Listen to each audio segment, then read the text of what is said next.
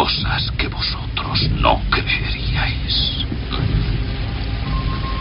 Atacar naves en llamas más... Uy, qué va, qué va, qué va. Pasa, pasa. Esto de Internet es mucho más sencillo, no te rayes. Internet de tu color favorito. Todos los jueves, de 7 a 8 de la tarde, en Quack FM.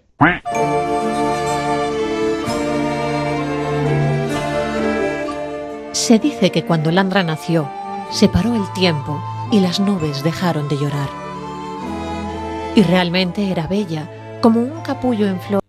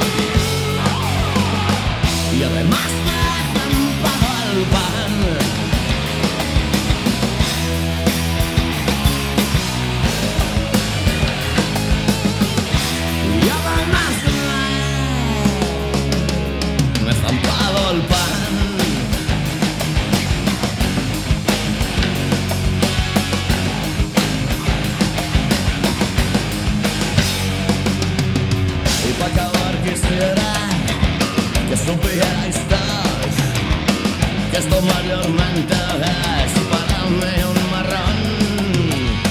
Me voy que me esperan, si lo quiere Dios, un plato caliente y una explicación.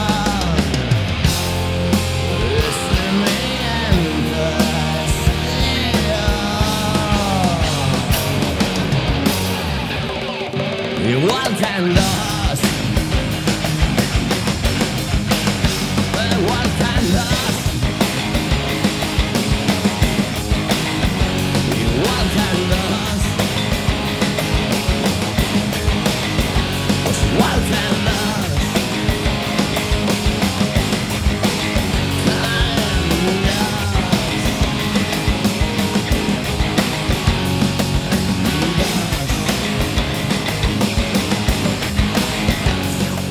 Ola, irmás e irmáns Se me llama moi lonxe aquel día que comezaba o século Co temor sobre o efecto 2000 E agora estamos a piques de entrar na década dos felices anos 20, caramba E se falamos de sustos non podemos deixar de comentar que o novo goberno de Brasil estivo moi rápido atacando a liberdade de expresión. As radios comunitarias dun país enorme como é o brasileiro están en serio risco. Tamén o están moitas políticas sociais en Andalucía como se lles permite avanzar a eses 12 representantes que acadou Vox nesa comunidade. Por todo isto, máis que nunca, a alegría arranca un novo ano con gañas de aportar reflexión ás ondas da FM Coruñesa e temos unhas eleccións a concellos, deputacións, ollo coas deputacións e ao Parlamento Europeo en 4 meses e pouquiño. Iso sí, A cultura segue a sufrir achazos como o peche do MAC, o 31 de decembro foi o seu último día aberto, e por agora sen que haxa expectativa clara de que poda reabrir as súas portas a curto prazo. E por, por certo tamén, parabéns a Radio Coruña por seguir fichando a xente con talento da canteira de Coaque FM, a última, Ángela Triana. Yuhu. Xa, xa vai sendo hora de que polo menos polo menos un deses picos de pato aparezan nos micros tamén con espumillón marelo de Radio Coruña Cadena Ser. Digo eu, Beula Lume, ti que opinas? Ser cuac, mola. Home, polo menos un guiño, non? Mariano, Mr. Bugalú, Hai que, Bugalú, hai que a cobrar dereitos de formación como os futbolistas. Xa, xa o teño eu mm, así plantexado. E logo que eleccións a deputación non, non hai, eh? Porque bueno, non existe tal cousa, pero Bueno, vale, sí, pero nos entendemos, non? Do que suceda nas nas, eh, nas no, votacións municipais nas vai resultar locais. que haxa unha deputación máis para un lado ou máis para outro. Efectivamente. Eso sí non temos que levar unha é un tema papeleta, unha papeleta directamente que poña deputación quero tal, pero pasan cousas importantes na deputación que, que pode cambiar de mans, como xa sucedeu no pasado, estaba nas anteriores eh, xa na anterior legislatura estivo o Partido Popular. Bueno, na provincia da Coruña eh, normalmente eh, depende moito de, do que aconteza nas tres cidades porque eh, suma por, por, por suma moitísimos moitísimos votos por moitísima representación por poboación. Ajá. Pero bueno, se, se houvese digamos un voto masivo Son por partido judicial, vamos non por a Deputación, se sí. vota, se recollen os votos do Partido Judicial. Cantos partidos judiciais estamos na provincia? Pois pues así de memoria ah, caramba, non me lembro. Eh, pois pues no hai que estudiarlo, son. porque é un dos datos que, según ti, ten importancia Pero sí, ten importancia, clave. quero dicir, claro, o Partido Judicial da, da Coruña, o Partido Judicial de, de Compostela, que son Compostela, Ames, por exemplo. Mm eh, que Betanzos ten moitísima poboación. Partido Social propio. Betanzos ten Partido Social propio, sí. E o de Ferrol, o sea, son a nivel de poboación, pois claro, son son enormes en comparación co resto da. E logo, da por exemplo, cara ao norte da provincia, que hai eh, Partido Social de Ortigueira, eu que sei, non sei, Cedeira. Mm, Mm, Cariño. Mm, pois non sei, pero se tes, tes gañas de saber sí, os partidos bueno, bueno, agora, agora, eh? bueno, no, tranquilo, tranquilo, deixa a cousa que estamos estamos comenzando a alegría. Temos que mandarlle un bico enorme, por suposto, a Isalem, a ver se despois temos a oportunidade de falar con ela.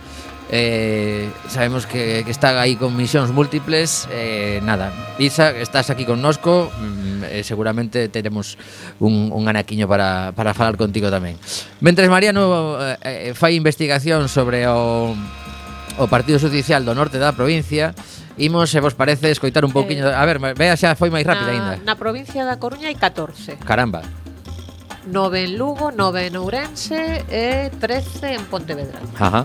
Así é que, bueno, despois, mira, imos aproveitar que temos aí un pedazo de rock and roll tirando a power pop de Kurt Baker Combo, Kurt Baker Combo, para arrancar o, o primeiro tema de musical de alegría deste 2019 e investigamos un pouquiño iso de, dos partidos judiciais e como despois repercute, eh, se, se podemos, se nos dá tempo, como repercute nos, eh, no reparto de deputados, porque aí, claro, hai unha serie de deputados que aparecen despois no, no Salón de Plenos Provincial e, e imos aprender un pouquiño máis sobre a deputación. Escoitamos rock and roll.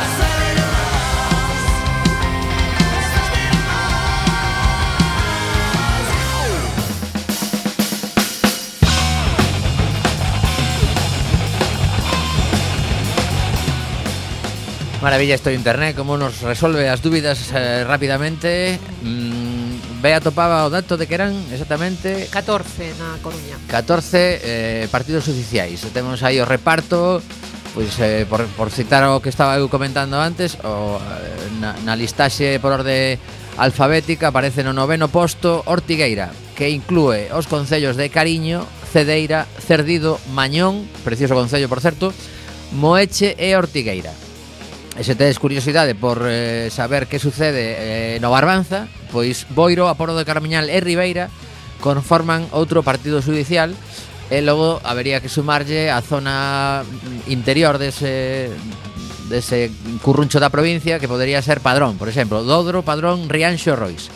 Ben, pois eh, agora sabemos tamén que temos 31 deputados provinciais, que non son tantos, dos cales un vai adjudicado directamente a cada partido judicial e o resto, que no, no caso de Coruña son 17, repártense por índice de poboación. Polo tanto, entendemos que posiblemente polo Concello da Coruña o mellor son 4 aproximadamente. A ver, o que pasa é que eh, logo os votos agréganse por partido judicial. Isto é, non por provincia. Uh -huh. Eso é importante destacarlo porque logo hai xente que de feito hai formacións políticas que eh, eh crean o mito de de así sumamos, non, o sea, sumas dentro do partido judicial, non non fora do partido judicial, non? Claro. Pero si somos moita xente dentro do teu partido judicial... Evidentemente, exemplo, eso explica, por exemplo... Pon, eh, a, eh, a, pantalla anterior porque é importante... Iso explica que Iniciativa dos Veciños, por exemplo, oh, se presente eh, na cidade da Coruña para arañar algún voto que sume dentro do Partido Judicial da Coruña e que lles permita ter, como teñen agora mesmo, un deputado un deputado provincial. Uh -huh. Bueno, de feito, eh, teño aquí bastante información que estiven recopilando eh, para, para o programa de hoxe sobre as diversas candidaturas, as, as, as persoas que xa están elexidas polos seus partidos e incluso eh, estáse falando de encantos eh, dos nove concellos que, que tiña intención de chegar alternativa dos veciños que comezou o proceso en outubro a cantos podía conseguir eh, presentarse. De, o último que estaba aí argallando era Ensada e dicía que decía o, o presidente do partido eh, alcalde de Oleiros García Seoane que non lle vale calquera. Foi o que dixo que queres quere, quere estar en Sada, pero que non lle vale calquera. Bueno, vale. Aceptamos pulpo. Dixo el, dixo el. Temos aquí o dato importante a nivel coruñés é que Pedro Armas, que foi durante moito tempo pois eh, importante militante do Partido Socialista, do Partido Socialista vai ser a cabeza desa lista que vai presentar ao Concello da Coruña Alternativa dos Veciños.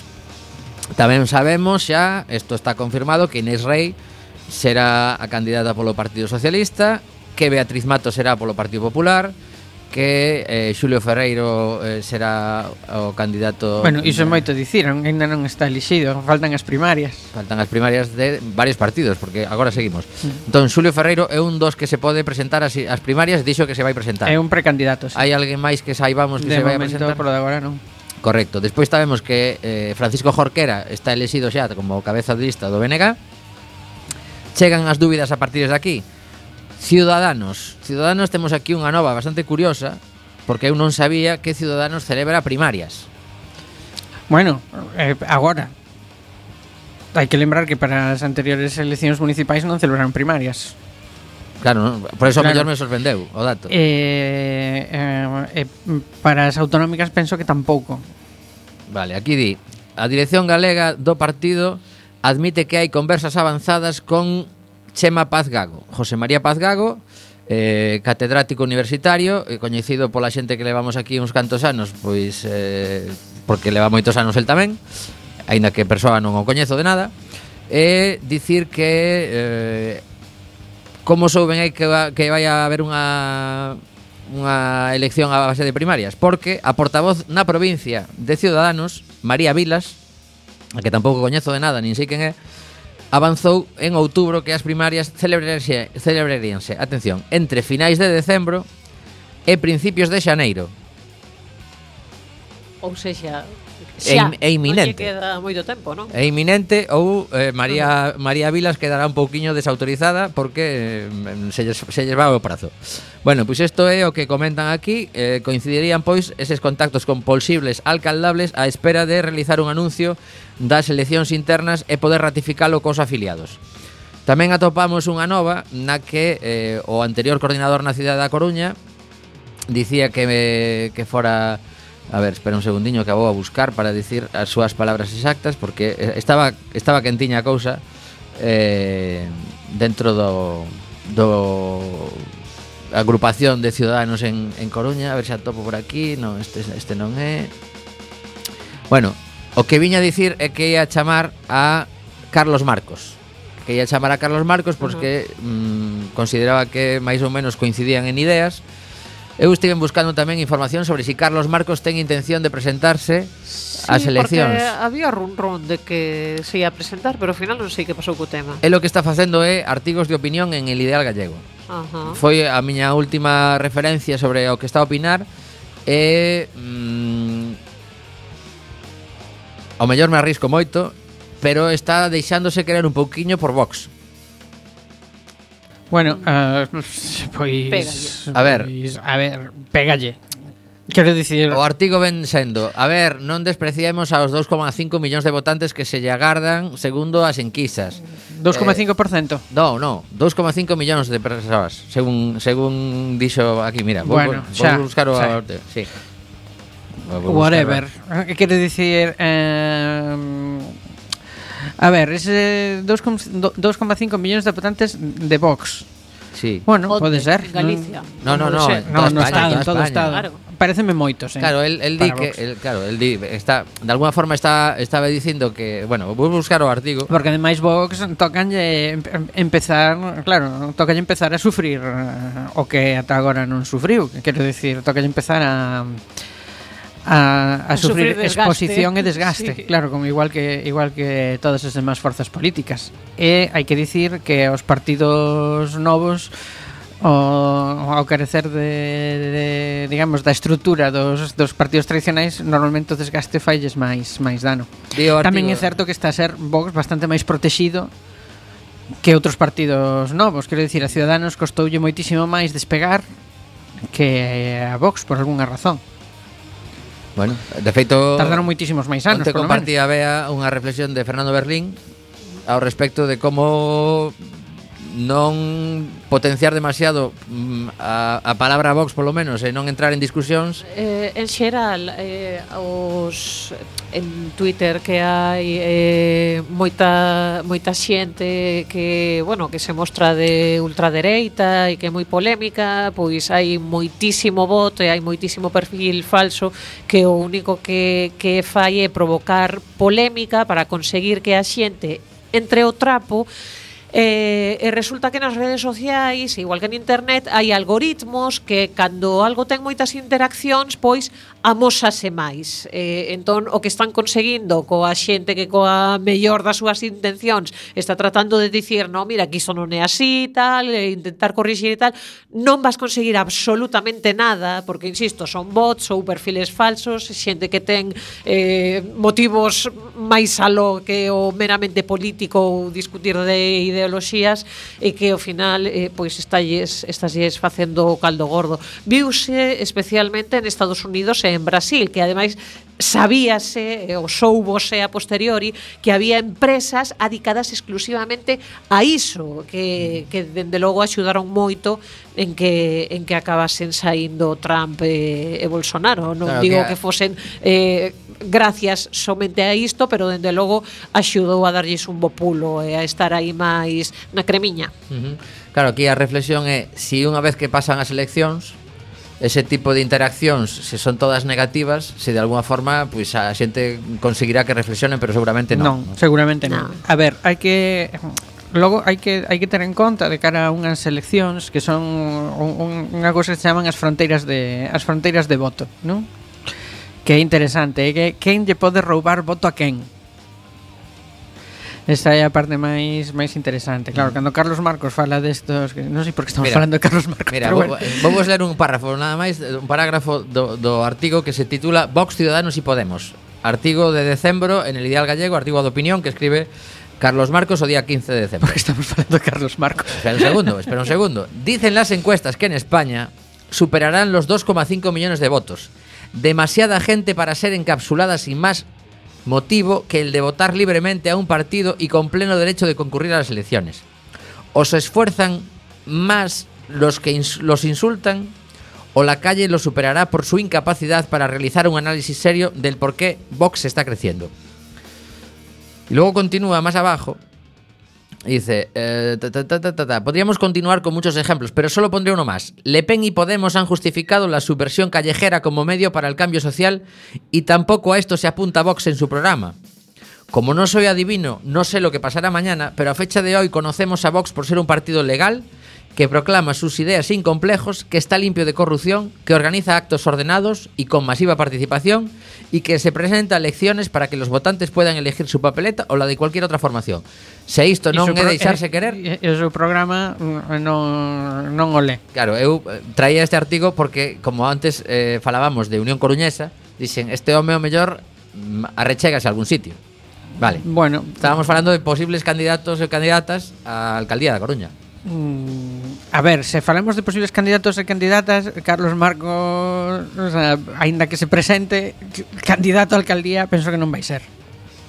Quero Por... dicir, porque é imposible que sexa Candidato, alcalde. sí. Bueno, sí, claro, pero Candidato, sí.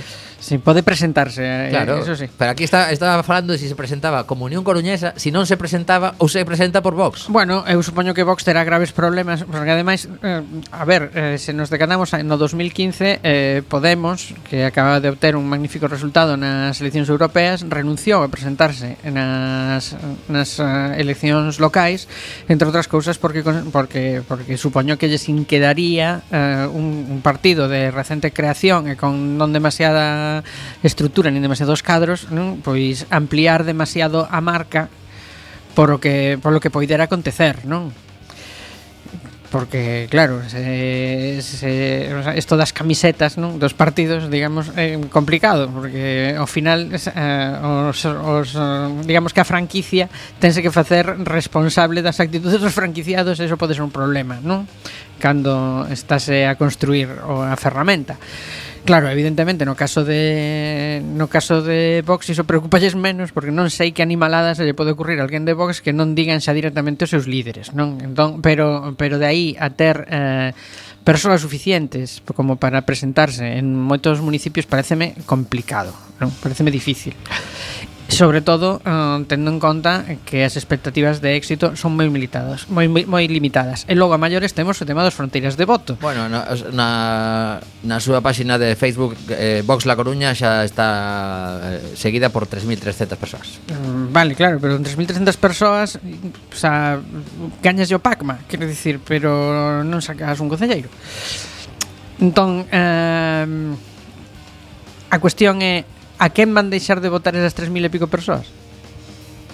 Era o que me, me refería co, no, co sí, tema sí, das sí, fronteiras eh, de voto. Está claro que aí por, por eso por eso están agora intentando pactar en Andalucía. Eh, esa é a parte a parte realmente complexa das das ecuacións e que xustifica determinados comportamentos que imos ver a partir de agora, comportamentos en campaña, non? O sea, que podemos entrar aí en, en, en cousas bastante eh, raras. Eu penso que igual non é o momento, eh? de eh, facer campaña tendo en conta só as fronteiras de voto. Penso que eso foi o que se fixo eh, en Andalucía co resultado eh, evidente. Tes a xente contenta que non debería estalo como por exemplo o Partido Popular, non? O Partido Popular está exultante porque eh, cree que pode gobernar Andalucía e cando a súa realidade é que eh, perdeu eh, sete escanos, que é unha caída morrocotuda e que chamaría moitísima atención de non ser porque a do Partido Socialista foi aínda maior. Pero a, a realidade é que posiblemente se ao final hai, hai pacto e eh, chegan un acordo para ser investidos como mm, mm, presidente o, o número un e despois unha serie de de consellerías, pois é evidente que eles triunfan no sentido de que colocan un montón de xente a gobernar. Bueno, triunfan Andalucía. perdendo, quero dicir, sí, sí, sí vale, poden triunfar perdendo, pero hai que hai que ter en conta varias cousas. Primeiro, que a xente eh, tende a preferir original as copias.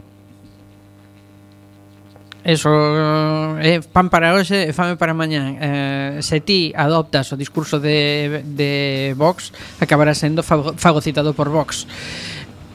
Mm, porque porque eh, evidentemente o teu voto vai se disgregar a ver a xente que non estea de acordo e que se vaya a Ciudadanos e se ti te quedas co discurso de Vox xa hai Vox. Quer decir que xa se foron previamente. Claro, pero non se van a quedar con todo o discurso. Colleran algunha cousa que lle pareza menos Por lo de agora perigosa. están collendo discurso porque porque, porque eh, pues, precisan no, no, os seus no, no votos, os votos claro. precisan os seus votos. E, e logo, por outro lado, hai que ter en conta que hai un contexto europeo, un contexto político europeo, a maiores, que non está vendo con vos ollos ese tipo de movimento, porque hai que ter en conta que en Europa o cordón sanitario en torno a, estre a extrema dereita non eh, afan só os partidos de esquerda, tamén o fan os partidos de centro e os partidos de dereita, democráticos. Entón, aquí se están saltando varios stops Os partidos os partidos eh, de, que se autodenominan de centro dereita. Entón, bueno, as consecuencias que pode ter iso? Pois non o sabemos todavía, xa veremos. Bueno, por, pois... por de pronto unha situación nova, van ter que lidiar con cousas coas que non lidiaron a toda agora, que é ter un socio incómodo do que necesitan e de feito xa se ten, está, está, están tendo que comerse parte do seu eh, argumentario tradicional que é aquelo de que que goberna a lista máis votada non, eh, non queremos, a xente non quere eh, eh, eh coalicións pactos de, per, de pactos de perdedores. coalicións de perdedores. Claro, e de repente agora están eles na situación de ter que eh, facer cousas cun eh, aliado incómodo que di cousas que a eles les, les incomodan moi, que, bueno, que os poden que os poden perxudicar electoralmente ou que eh, e logo ademais a maiores eh, están eh, facendo un pacto entre perdedores en toda regla, non? Sí, sí. Pero bueno, xa dixeron que claro, eles non o queren, pero se si o resto de partidos aceptan os pactos de perdedores, ninguén o quere. Quero dicir, todos no, no. os partidos que concorren a unhas eleccións o fan con intención de gañar no, por maioría absoluta. Eles, Outra cousa é que o consigan. O ¿no? argumento do Partido Popular é nós aprobaríamos por lei que non se, que, non, que teña que gobernar a lista máis votada, pero como o resto non queren o que non imos facer o parvo de cando temos oportunidade de gobernar sendo perdedores claro, non, non, non lles parece mal por exemplo, non lles parece tamén, por exemplo, cando pasa en Grecia Non, en Grecia teñen un sistema que para min é pouco democrático, que é eh, de sobreprima ao que gaña, non? Mm. Regalan eh, escanos. Entón ten unha representatividade, eh, unha representación maior mm, dos votos que obteñen o partido que gaña. A min iso pareceme realmente pouco democrático. E logo hai outros lugares nos que o que se fai é unha doble volta. Claro, pero se hai unha doble volta mm, é moi difícil que a dereita goberne, a, a, a, o sea, que o Partido Popular poda gobernar en algún momento. O sea, tería gobernado, non, o sea, posiblemente non tería gobernado nunca aínda agora. Por qué? Porque hai que ter en conta que eh, José María Aznar gobernou co apoio do PNV e de, e de Convergencia e Unión que Cando os seus votantes, claro, os seus votantes nunha segunda volta entre Felipe González e José María Aznar, os votantes do PNV e de Convergencia e Unión, eu dubido moito que tiveran votado José María Aznar, Sen a primeira victoria de José María Aznar non tería lugar a segunda e Mariano Rajoy gobernou en, igual terían gobernado coa caída como despois da, da caída de Zapatero, non? Pero pero sería o único momento no que tenían gañado unha doble volta, porque o Partido Popular se caracteriza históricamente por ter grandes dificultades a hora de, de pactar e de atraer a votantes que non sexan uh, seus, non? Que non sexan propios do Partido Popular. Entón, cando queren cando cando falan de que goberna a lista máis votada, exactamente non sei a que se refiren, porque iso ten bastante, bueno, sí que sei a que se refiren, se refiren a un sistema estilo estilo grego, porque eles uh, sí que son primeira forza en moitos lugares, o que pasa é que de xeito insuficiente.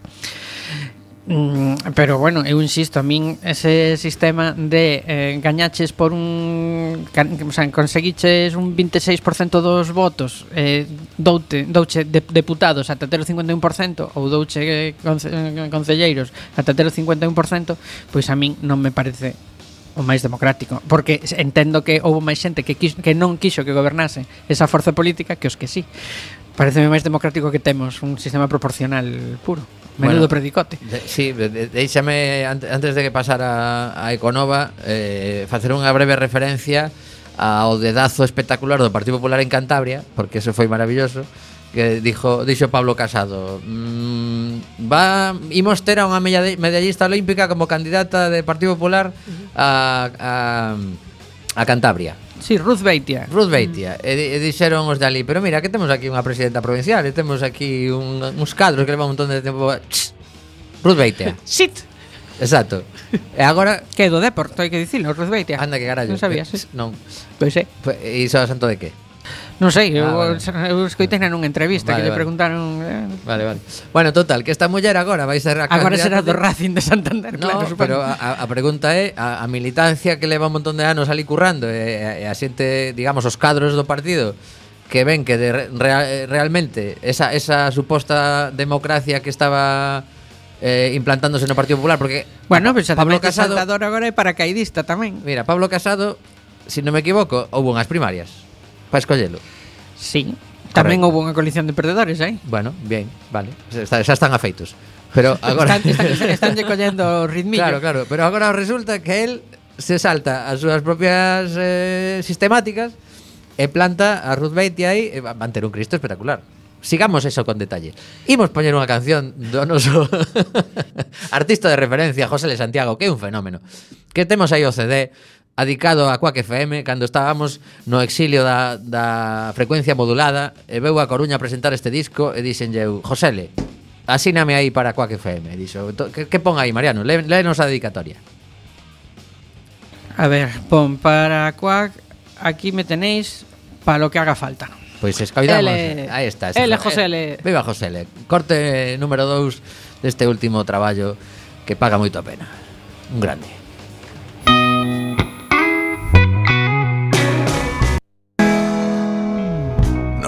Quien dice ser. Solo yo sé que existe. Claro que sé, nunca se fue mi magia triste. Vuelvo a reptar a través de la nada vuelve a brillar en la oscuridad mi magia enterrada. Vuelve y miente otra vez, todavía te querré. Suerte, apréndeme bien, magia negra,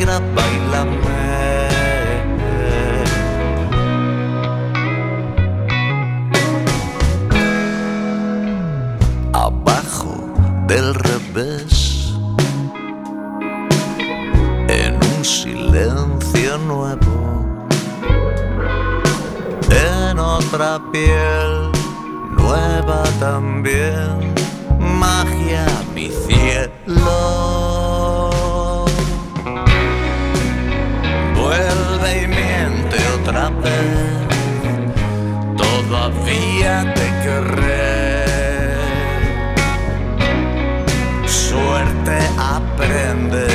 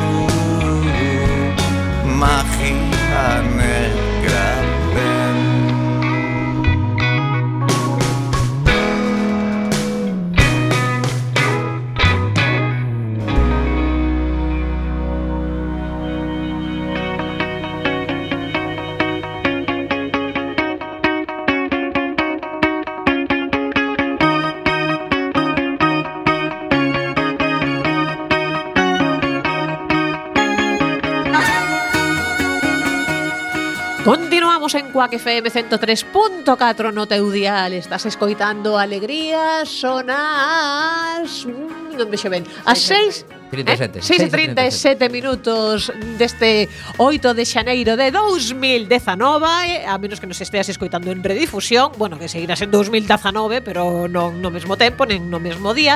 E chegamos ao apartado da Econova. E empezamos cunha boa Econova E que Lego fabrica plástico con plantas. Está facendo eh, o, as pezas a base de cana de azúcar.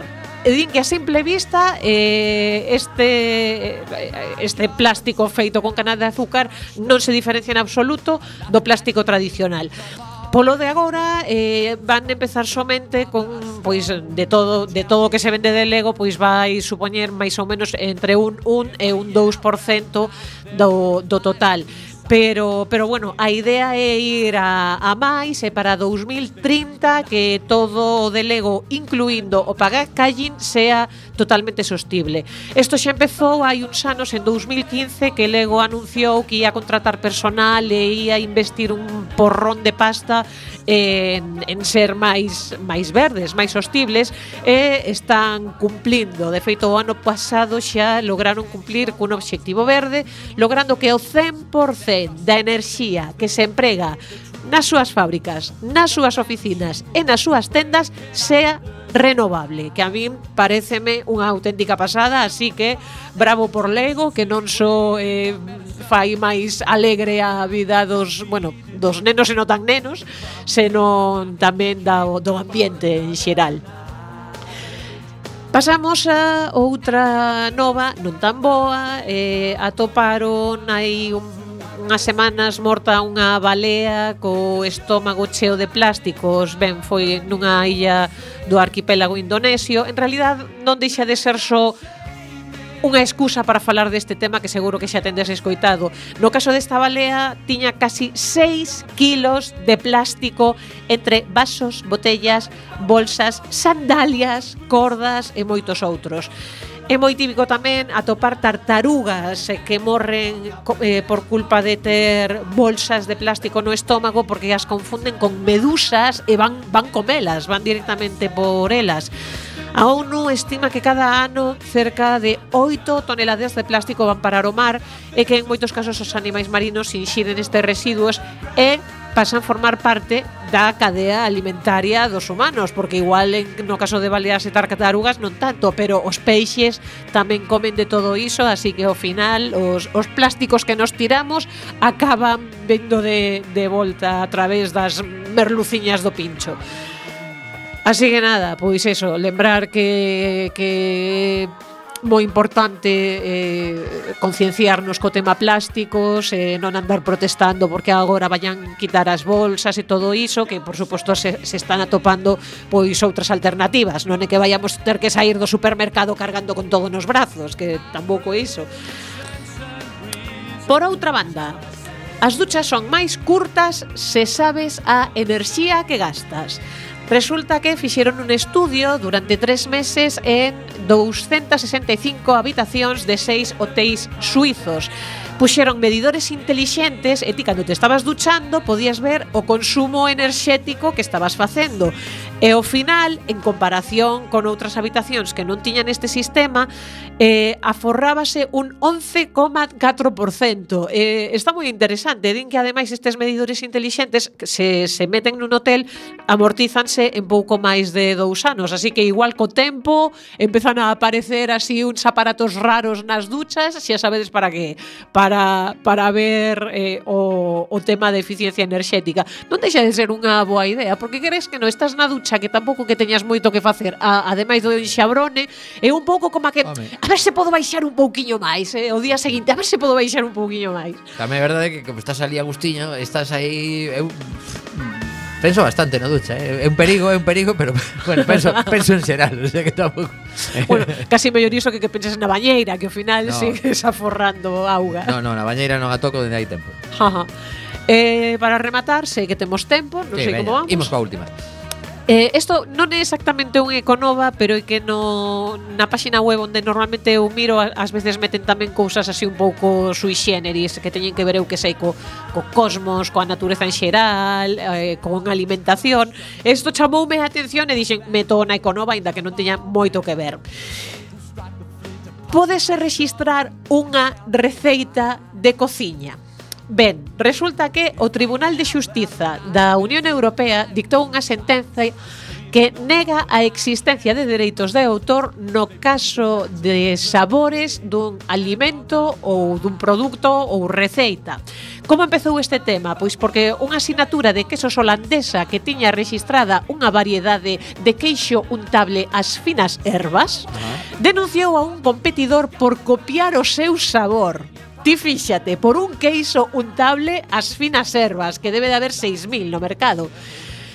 O Tribunal Europeo dictaminou en contra alegando que non é posible identificar de xeito preciso e obxectivo o sabor dun alimento, posto que se basa en sensacións e experiencias subxectivas. Busquei un pouco máis, eh, tamén dicían que o feito de que os sabores sexan en si sí mesmos efímeros, volátiles e inestables imposibilita a identificación precisa e obxectiva, así como, en consecuencia, calificalo como unha obra a efecto de dereitos de autor. Din que isto crea xurisprudencia, eh, que o de que a copia sexe escribido como argumento en caso de supuestos plaxios podese ver afectado por iso. E comentan, se ven a sentencia será acollida con co beneplácito no sector da propiedade intelectual, o sector gastronómico non está de todo conforme, pois levan xa tempo discutindo sobre a aplicabilidade de conceptos como obra, autoría e originalidade no mundo da gastronomía para poder protexer as súas creacións e poder defenderse cando os seus competidores lle escopien ou exploten as receitas sen autorización. A mí isto dame bastante medo, Porque a cociña parece que é algo moi de enseguida de, de compartir receitas e tal. E, empezas a pensar, se isto se chega a facer dende o principio dos tempos, se quixeran quitar dereitos de autor das receitas dende o principio dos tempos, só poderías comer comer tortilla de patatas nun sitio determinado. No, que pasa Por que exemplo, van, van caducando. Entón, digamos que cada ciclo de 70 e tantos anos, non sei. Si, home, tens que esperar 70 e tantos anos ah, para poder facer tortilla na túa casa. Vide aquí, vide aquí. Home, si, sí, no, está claro que Non sei, pareceme un pouco Sí, ah. eu, eu entendo, eu entendo que mm, determinados pratos, ou mellor que son combinacións mm, que alguén se lle ocurre despois de moito curro e tal, e podes demostrar incluso con grabación en vídeo a túa investigación previa, esas que fan agora con insuflación de non sei que que non sei, que non sí, controlo sí, de sí, que te, debería ser unha cousa moi concreta, digamos moi claro, mira, esto, moi fora do ámbito público, exacto, como quen di. Claro, isto é unha virguería que fai Pero un tipo se que no, sí, ao final eso, sí. alguén fai unha deconstrucción de tortilla con ovos e eh, patatas de bolsa e non podes facelo na casa. Que ademais eso xa o facía a miña boa, o que pasa que non o registrou, que crees que che ah, diga? Claro, claro. Entón, non sei, sé, faiseme un pouco i. Bueno, eh, outro día falamos da empresa que registrou o tempo e a partir de aí se están forrando, vale? Eso queda mm. pendente. Non sei se os coñeces, getyourtime.org mm, eh, Registraron o tempo. Sí, sí, e, e, e deixaronlles colou, sí, sí, sí. Colou. Falamos diso outro día. Xa verás eh, Investiga, get your time mm. Bueno, unha empresa, mí, unha empresa, non me mandes as facturas a casa. Unha empresa canaria que se estaba forrando. Non, non, pero ti mercas o teu día. Mercas, eh, mercas un día e a partir de aí podes negociar. É unha historia que te vai interesar. Pois sí, teño que buscar. Pois sí. Bueno, pois eh, conto vos a partir desde aquí, por exemplo, un, un dato curioso simplemente, que na Casa da Auga houve un incendio. E diris ti, caramba. Sí, sí. é como que vaxa no, no, no, no cuartel dos bombeiros, ¿no? Básicamente, sí, pero bueno, ao final parece que foi dentro das oficinas do, de Malsa, Ajá. que tamén é a empresa municipal de augas, que dices, non podían hacer unha garrafa ali, pois non, houve un incendio. Bueno, isto é un chascarrillo pequeno porque realmente o que quería comentar nestes últimos minutos do programa A ver se si incluso Mariano ten un momentiño para, para chamar a Isa A ver se si se, si se anima a compartir con nós os últimos minutos eh, Dicirvos que hoxe era un día importante tamén para Alcoa Que evidentemente non, non paran nas súas reivindicacións que ven que están a poucos días de que o ERE sexa efectivo e que empecen a chegar as cartas de despedimento de moitos traballadores e foron a Madrid e continúan loitando pola, pola recuperación desa actividade industrial mm. que semella que varios estudios confirman que é viable económicamente, pero aínda así a empresa segue con, convencida de que isto vai pechar eles seguen pois eh, tanto os, os da fábrica da Coruña como os da fábrica da Vilés mm. pois loitando para para que non suceda iso, non se mm-hmm. queden na rúa pois máis de 700 persoas. Uh. Pero a, a nova que, que quería compartir hoxe, así como máis eh, pois que se está se está poñendo a cousa moi quente na sanidade galega, porque cada vez hai máis eh, colectivos que se que se están a declarar en folga. Foi hai pouquiño en no mes de decembro, un montón de xefes de área sanitaria na zona de Vigo decidiron todos os digamos os xerentes de un montón de de centros médicos decidiron que presentaban a súa demisión de forma coordinada e colectiva, uh -huh. o que supón evidentemente un problema, e a luns 7 de xaneiro, onte atopamos a nova en praza.gal o persoal dos PAC que son os puntos de atención continuada, vai tamén a folga indefinida e alerta da incompetencia da Xunta na sanidade. Entón, cando isto sucede e ao mesmo tempo ves que o presidente da Xunta di que todo vai ben e que non ten moita intención de facer movimentos, pois eh, preséntase un ano moi complicado na sanidade galega. Dixo, e non sei si... a, algo dixo, dixo, creo lembrar que dixo Mira, que ia...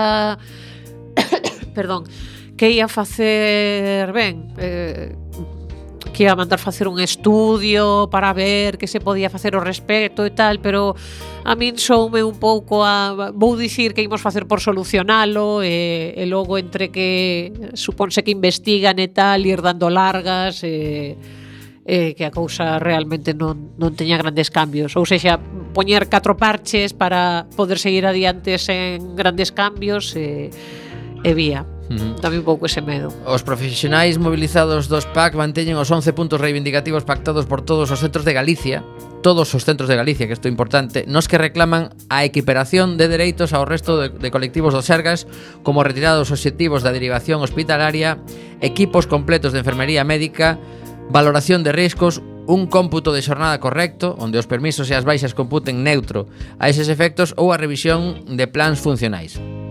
O Comité de Folga dos PAC critica que, malia aumentar a actividade asistencial dos PAC, estes non teñen medios suficientes e os equipos sanitarios dos que gozan son mínimos. Así alertan da incompetencia da Xunta na sanidade galega e aseguran que é algo que non se pode agochar máis. Ademais lembran que son numerosos os colectivos de traballadores usuarios que seguen a denunciar públicamente o estado precario da sanidade principalmente en primaria. O Sergas, pola súa banda, respondeu asegurando que segue aberto a alcanzar un acordo cos traballadores e di tamén manter vixente a súa última proposta no marco de negociación. Nun comunicado explica que xa teñen mantido diversas mm, reunións cos representantes dos traballadores para tratar as súas reivindicacións, entre elas ata tres mesas sectoriais. Bueno, pois isto eh, ten pinta de irse a complicar cada vez máis, eh, e seguramente pois nos atoparemos con problemas serios porque isto é unha folga indefinida, e non é ninguna broma, eh? Estamos a falar dun, dun servicio público básico que evidentemente terá uns servizos mínimos estas folgas, pero aínda así, pois hai hai moito moito aí en riba da mesa que seguramente pois eh, non, non se vai solucionar eh, a curto prazo uh -huh. e teremos teremos lío asegurado. Despois, eh, nos últimos minutos de programa A verdade é que estaba aquí eu pendente de, de unha cousa que, que ao final non atopei Pero sí que eh, recuperei eh, do, do que dicíamos antes eh, das, eh, das candidaturas a, as municipais da Coruña Atopei a Miguel Ángel Rosende, que curiosamente eh, estivo en Coac FM, descubrímolo. Miguel Ángel Rosende era o que vos comentaba antes que era o, o coordinador de Ciudadanos na Coruña. Isto é unha nova de xullo do ano pasado Que el sale aquí na, na fotografía explicando Que abandonou o partido por presións e prácticas mafiosas que tiñan algúns dos seus compañeiros de partido. Perdiuse. Ostras, non sabía que o deixara. Sí, sí, sí, pois perdeuse, di, perdiu a ilusión a nivel Galicia, quero deixar claro que non teño problemas cos afiliados da Coruña, que xente maravillosa, pero a nivel organizativo o partido ten unhas prácticas sectarias ou incluso mafiosas. Isto foi no mes de xullo e afirmaba, por isto viña a conto todo isto, afirmaba que ia chamar a Carlos Marcos e eh, rapidamente la opinión chamou a Carlos Marcos e a mí por agora non me chamou. Volveron a chamar a este home e dixo, mira, que Carlos Marcos nos di que ainda non falaches con el. Non, non, é certo, certo, aí, eh, teño, teño pendente chamarlo. Mm. O sea que foi un pouco unha entrevista un pouco rara, porque non anuncias que vas a intentar meterte na candidatura candidatura de outra persoa Ajá. sin falar previamente con ela. No. O sacas nos medios de comunicación quedas así un pouco raro. Sí. Bueno, estas cousas da, da política que, que sempre nos acaban sorprendendo. Por certo, falando diso das eleccións locais e do tema de deputación, sí. xa que estábamos estabas, estabas en, en el libro gordo entretiene, sí, o sea, sí, sí, sí. Pois eh, fixen eh, aquí as contas de eh, dos partidos judiciais uh -huh. da provincia, vale, en, po en poboación. Eh, as tres cidades eh, Compostela eh, o, bueno, o Partido Judicial de Compostela o de Ferrol e de Coruña suman 693.048 habitantes segundo oh. os últimos datos que hai que son de 2017 uh -huh. e os outros eh, 11 suman 427.246. Eso para que vos fagades unha idea de como, o sea, un, un, de como vai o Digamos asunto. que un 60% son eses tres esos tres partidos judiciais. Hai case, eh, 700, hai case 700.000, pero claro, uns, un son tres e outro son 12. Claro, xa, xa, xa. lembrade que a circunscripción é a de partido judicial. Que sí, que sí, por eso estábamos comentando que deses, deses 17, lembremos para a xente dos que... Outros, se, a dos xente outros 12 vai haber un representante. A xente que se incorporou agora a, a, ao noso programa, dicirlle que estábamos a falar de como se eh, reparten os 31 deputados provinciais, neste caso da Deputación da Coruña. Un por cada partido judicial, que son 14, e nos quedan 17 máis que hai que recolocar de alguna forma é o que estaba Mariano buscando de, deses 17 cantos eh, corresponderían aos tres eh, con, as, tres partidos judiciais nos que están incluídos claro, os pero, municipios máis grandes. Pero o, supoño que eh, claro, o que din é que eh, logo é proporcionalmente pola pola poboación, pero será pola poboación que eh, efectivamente vote. Tamén é certo que normalmente a abstención é maior tamén no medio rural que, que no urbano e periurbano. Entón, eh, aí imos sumando oh, cousas que eh, incrementan a representatividade das cidades e reducen.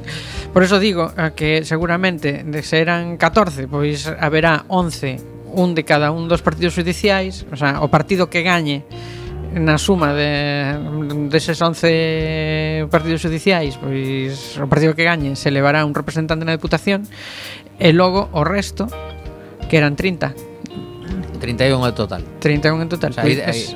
É moi posiblemente a inmensa maioría dos outros 20, 20 tantos 17, 17. ou dos outros 17 eh, se reparten entre as cidades, entre as tres entre as tres entre os tres partidos judiciais das cidades. Uh -huh. Igual hai algún partido judicial particularmente grande que pode ser Carballo, por exemplo, que ten 67.000 habitantes que pode meter dous, non? Pero non vexo moitas máis posibilidades moitas máis posibilidades de que de que de que haxa máis dun representante por partido judicial nosotros porque son moito máis pequenos. Na Arzúa 26.806.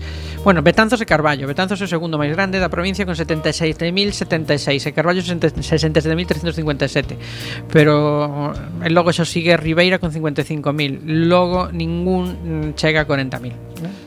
Bueno, pois imos rematar o programa de hoxe se aproveitamos estes últimos eh, dous minutiños escasos que temos para comentar que se queres botar unhas boas risas esta noite, pois podes achegarte ao Babar no que a partir das nove e media por seis euros podes atoparte con eh, Se Masca la Comedia. E aí, como sempre, hai representación cuáquera, visto estamos por todas partes. Despois, eh, comentar tamén que xa sabes que Bob Dylan vai a estar en Compostela o 29 de abril eh, se, os reis magos decidiron ou apalpador levarte unha entradiña para Bob Dylan e queres buscarte un método cómodo de transporte pois entradas arroba salamardigras.com aí hai un autobús organizándose e podes reservar as túas prazas. Eh, dicir tamén que hai que felicitar os nosos compañeros de La tarde a nuestra manera que este venres chegan aos 100 programas. Efectivamente que parece que non, pero va sumando, va sumando e dice, caramba, Ajá. cheguei a 100. Así Ajá. que este mandaba mandábamos eh,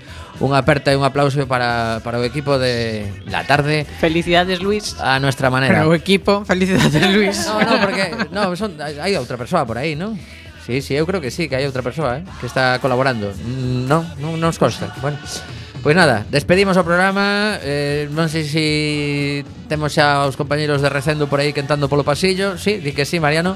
Así que pasade moi ben esta semana. Eh, Lembrade que hai que abrigarse o xusto para non pillar catarros Que hai moita xente xa con esas cousas de que lle pinga o nariz. Bicos, bicos para Isa. Chao.